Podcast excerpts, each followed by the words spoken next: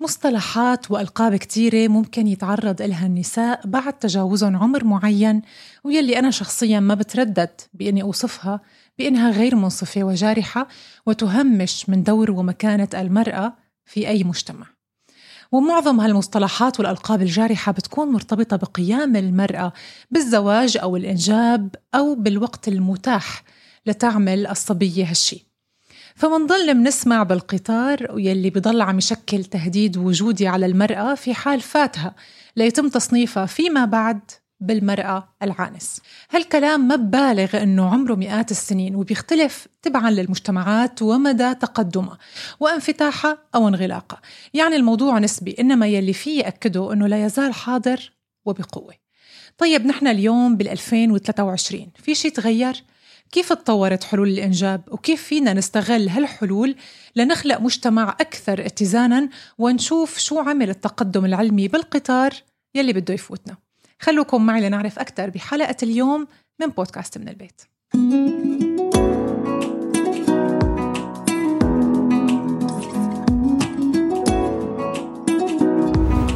يلي تغير اليوم إنه الطب تطور. وتطور التكنولوجيا المستعملة بالجوانب الطبية ساهمت بإيجاد حلول لمشاكل كانت قبل خمسين عام مثلا تعتبر من المستحيلات. يلي حابة أحكيه معكم اليوم ساهم بزيادة العمر الافتراضي لقدرة المرأة على الإنجاب وساهم بشكل أو بآخر بتخفيف الضغط الهائل على المرأة في حال كونها لسه ما لقت شريك حياة المناسب أو ممكن يكون أعطى المرأة مساحة أكبر من الوقت إذا كان في قرار بتأجيل الإنجاب بدون ما توقع بخطر خسارة هالشي نتيجة تأخيره. طبعا هذا الشيء له شروط وقواعد لازم يتم الالتزام فيها لحتى يكون ناجح. موضوعنا اليوم هو تجميد البويضات عند النساء ما هو تجميد البويضات؟ شو هاد يا ترى؟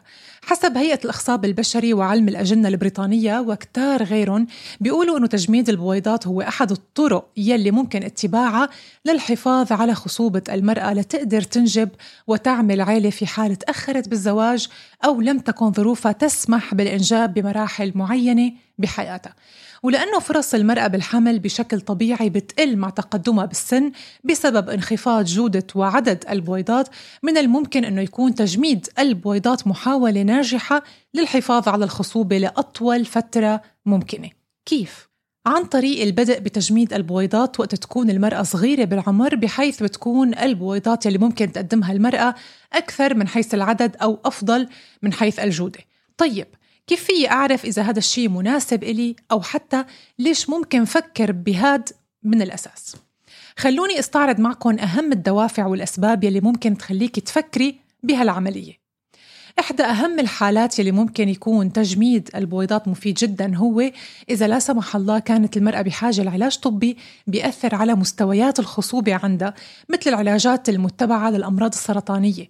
وهيك بتكون المرأة حافظت على فرصتها بالإنجاب بعد تعافيها كونها عملت هي العملية قبل ما تخضع للعلاج. التأخر بالزواج بغض النظر عن الأسباب يلي ممكن يخلي المرأة تعيش تحت ضغط نفسي وهاجس إنها ممكن تخسر فرصتها بإنجاب الأطفال نتيجة انخفاض مستويات الخصوبة مع تقدمها بالعمر. وحتى إذا كنت متزوجة في بعض الأحيان بيكون الزوجين متفقين على تأخير الإنجاب لأسباب بتتعلق بالاستقرار بظروف الحياة الكبرى بالعمل فكمان عملية التجميد بتكون حل مناسب بهي الحالة.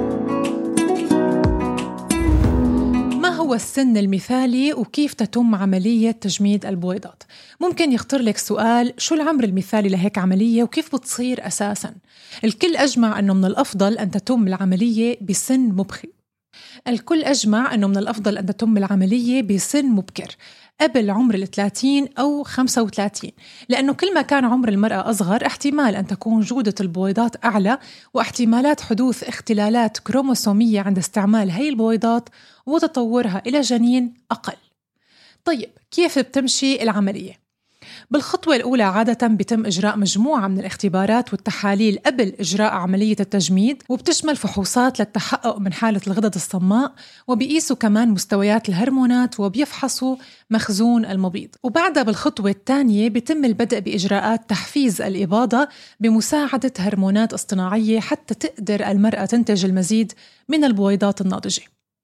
مرحلة السحب وهي الخطوة الثالثة بيقوم الطبيب بعملية سحب البويضات باستخدام إبرة دقيقة تحت التخدير.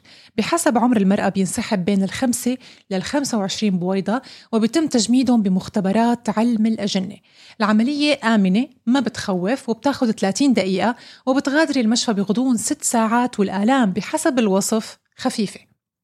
أما الخطوة الرابعة هي التأمين على سلامة البويضات عبر تجميد نشاط البويضة البيولوجي بدرجة حرارة ناقص 196 تحت الصفر باستخدام النيتروجين السائل لضمان فعاليتهم لأطول فترة ممكنة هل هنالك أضرار لعملية تجميد البويضات؟ بجوز تكوني بدك تعمليها بس خايفة بتضر العملية شي يا ترى؟ تعتبر عملية تجميد البويضات من العمليات الآمنة إلا أنه من الممكن أنه يكون لها بعض الآثار الجانبية أو المضاعفات. منها مثلا فرض تحفيز المبيض نتيجة أدوية تنشيط الإباضة مضاعفات التخدير أثناء عملية السحب أو حدوث انتفاخ وآلام بطن وغثيان. كمان بدنا ندرك حساسية شعور المرأة بهيك حالة والعواقب العاطفية للأمل الزايد بحدوث حمل مستقبلي على الرغم من احتمالية فشل العلاج مستقبلا. ولا يخفى أنه بيرتفع خطر الإجهاض في حال تم استخدام بويضات مجمدة. لكن هي المخاطر بتضل احتمالية فينا نقول لا بد منها أمام فكرة الحصول على فرصة تانية للإنجاب. هل بيأثر استعمال بويضات مجمدة على تطور الجنين؟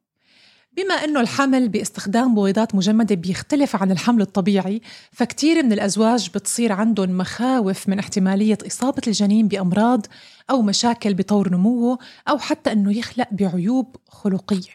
المصادر أجمعت أنه احتمالية إصابة الجنين بأي مشكلة هي متساوية مع الاحتمالات يلي ممكن تصيب الجنين يلي تطور بحمل طبيعي ودون استعمال بويضات مجمدة. وآخر شيء لازم لكم أنه نسبة نجاح الحمل باستخدام بويضات مجمدة بتتراوح بين 30% و 60% حسب عمر المرأة وعدد البويضات يلي تم تجميدها. مهما كان عندك مشكلة صحية أو حتى ضغوط اجتماعية اليوم الحلول صارت موجودة أكثر من أي وقت مضى. كل شيء علينا نعمله أنه نفكر ونتصرف بوعي وإدراك. بالنهاية تأكدي أنه القطار صار أبطأ ونحن صرنا أسرع وصار فينا نقول لا تخافي من شيء بتمنى تكون الحلقة قدمت لكم معلومات تستفيدوا منها وإن شاء الله بتضل حياتكم سليمة ومعافاية شاركوني أي فكرة خطرت لكم حول الموضوع واكتبوا لي شو كمان حابين تسمعوا ولا تنسوا تشتركوا بالقناة. بودكاست من البيت كنت معكم نيبال كرم. باي باي.